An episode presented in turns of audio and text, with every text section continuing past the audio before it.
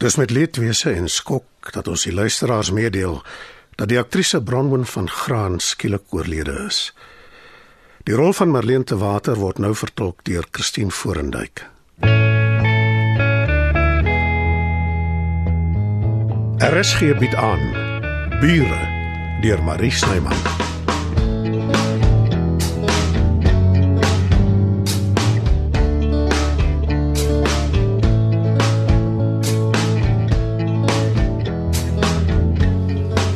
Ek is jammer. Sy toestand het skielik versleg. Ek het gedink dit is beter dat jy dadelik hiernatoe kom. Ek wil hom sien asseblief. Sekerlik. Gie om as ek ook saam. gaan. Natuurlik moet jy by wees.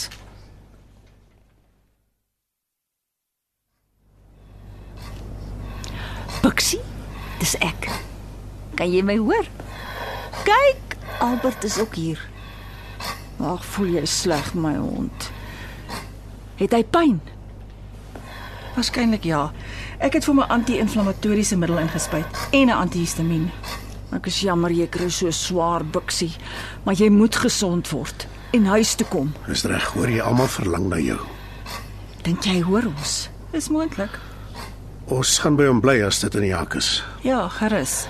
Ek ek praat dalk uit my beurt, maar was daar nie al gevalle waar honde 'n amper wonderbaarlike herstel het as hulle eienaars by hulle sit en hulle moet hom praat nie? Definitief. Sterkte julle twee.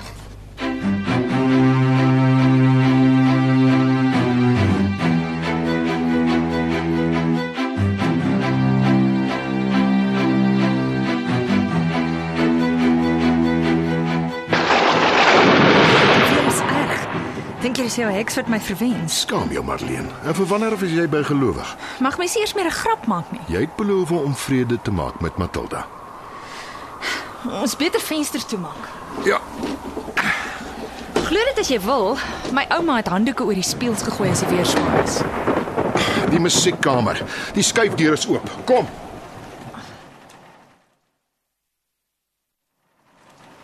Imelda se klavier is sopnat. Ek hoop nie daar skade nie. Nie as ons dit behoorlik droog maak nie. Dit was amper op my kop. Dankie tog dat jy die klavier gemis. Raakliks. Hoeveel emmers het ons? Ons beter die reën opvang voor die hele plek oorstroom. Wat van die klavier? Moet ons dit nie skuif nie? 'n Vleuelklavier. Ek en jy. nee Marleen, dis 'n saak van onmoontlikheid. Al wat ons kan doen is om die water op te vang.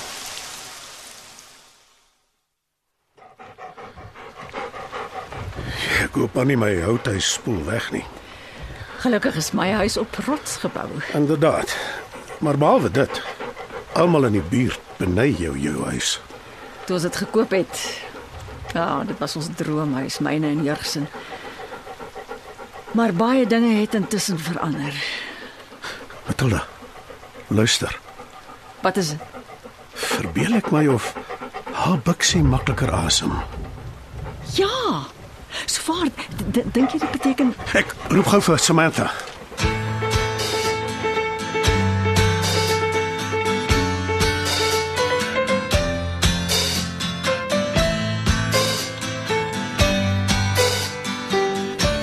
Die sluise van die hemel het omtrent oopgemaak. Ek wonder wat die plafon sommer net so laat inval het. Nou hopelik met daardie reën teen môre, dan kan ons vasstel. Ons sal deur die nag gereelde emmers moet leegmaak. Ek het 'n voorstel. Kom ons maak 'n Kersfeesbed, dan slaap ons in die musiekkamer. Met daai druppende water, nee, dankie. Kom aan, waar's jou avontuurlus? Die gaste sal seker nou enige oomblik hier wees. En hulle wil aandete hê. Ek sal moet spring. Ek het skoon vergeet om onder te gaan kyk na die gastekamers. Ag, tog net nie dit nie.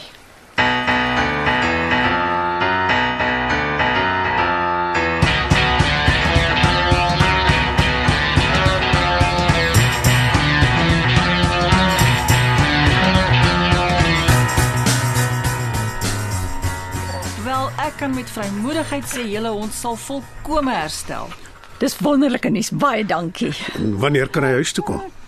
Ek behoort hom eintlik nog 'n nag of wat hier te hou, maar Oor oor Eh, hoe mooi vra hy. Ah, nou goed. Solank julle beloof om hom dop te hou. Wat praat ek? Julle is van die beste hondeouers wat ek nog ooit gesien het. Jy gaan heeltemal gesond word, Bixie.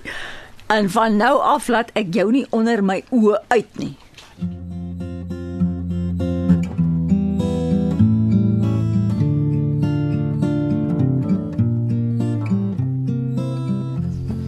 Sit hom hier op die bank asseblief, op die kombers.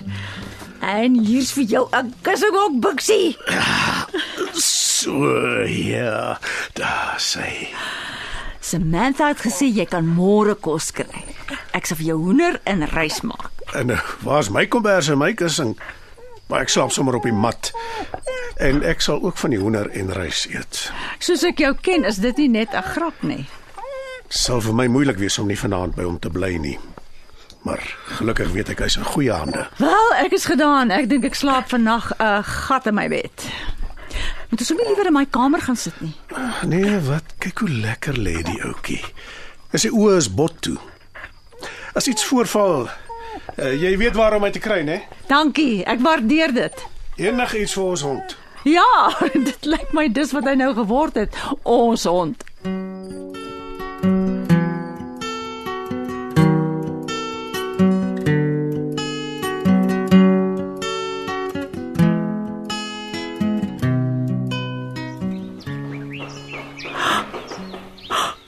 Goeie genade, wat is dit?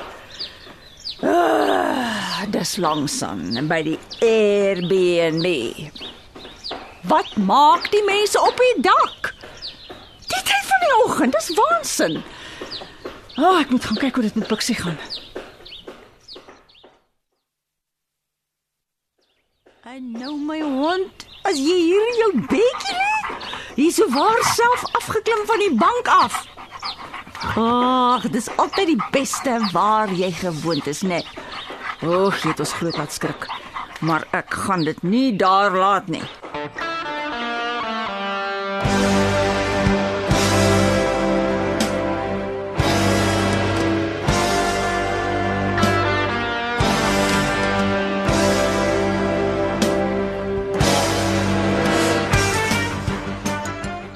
Ek kan nie glo jy het so vinnig iemand in die hande gekry om die dak reg te maak nie. Dis die ouens van Dita se huis. Ek het gisteraan vinnig met Albert gepraat en hy het gereël dat hulle vroeg hier inkom. Dit is wonderlik. Veral oor dit lyk of dit weer gaan reën. Juis, ons moet gou speel. Ek het die gaste gewaarsku om liewer binne te bly vanoggend. Dis baie nat op die stoep. Genadiglik het hulle kamers niks oorgekom nie. So ja. Ontbyt is reg. Sal jy met my raas as ek vinnig 'n varkworsie gryp? Wat dink jy? Wel, oh, ek is bereid om my kans te vat.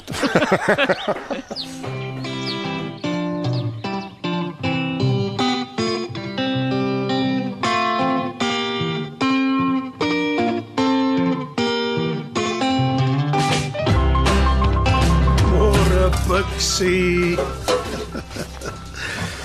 jy lyk sommer stukke beter, né? Nee.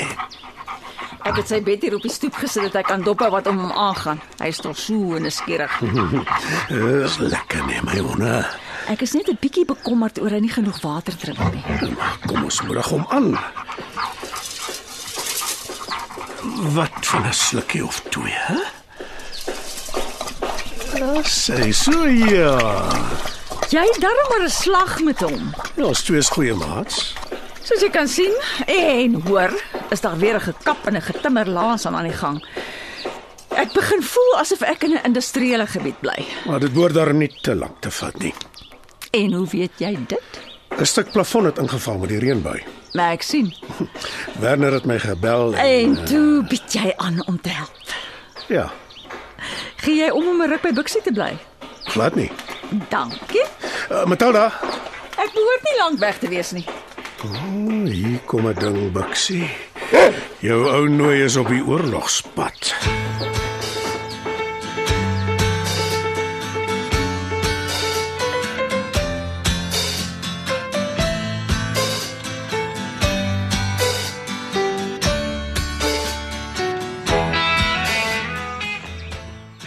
Môre Matilda.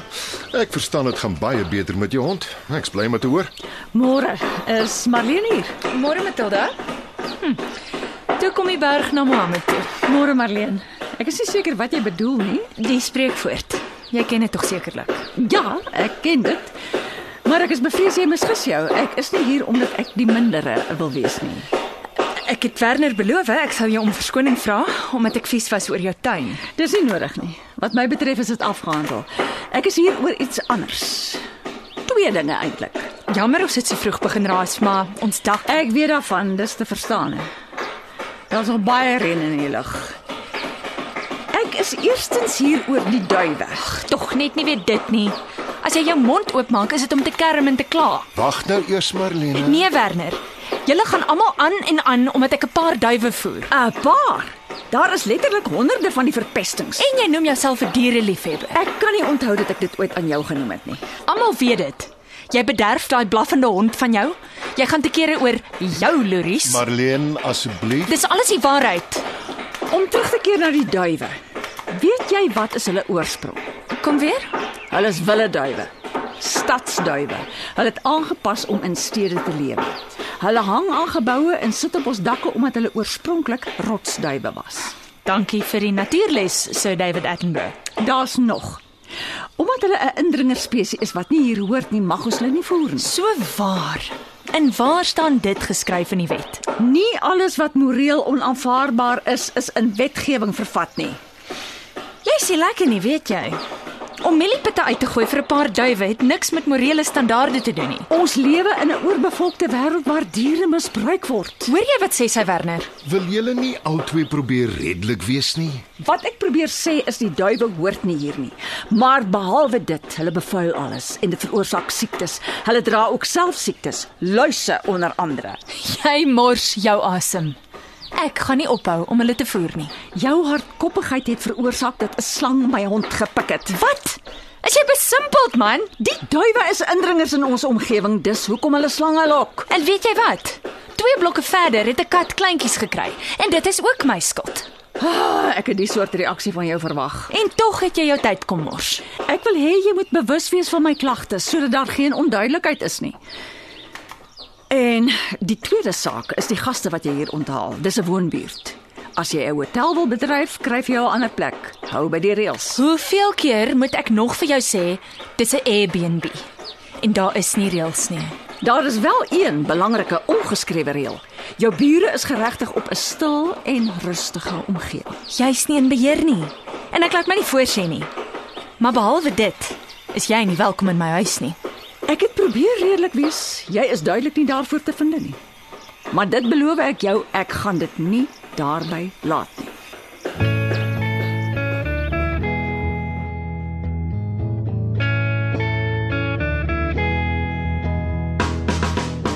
Bure word in Johannesburg opgevoer deur Marie Snyman.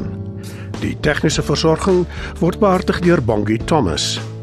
Evert Snyman is verantwoordelik vir die musiek en byklanke. Bure is geskryf deur Marie Snyman.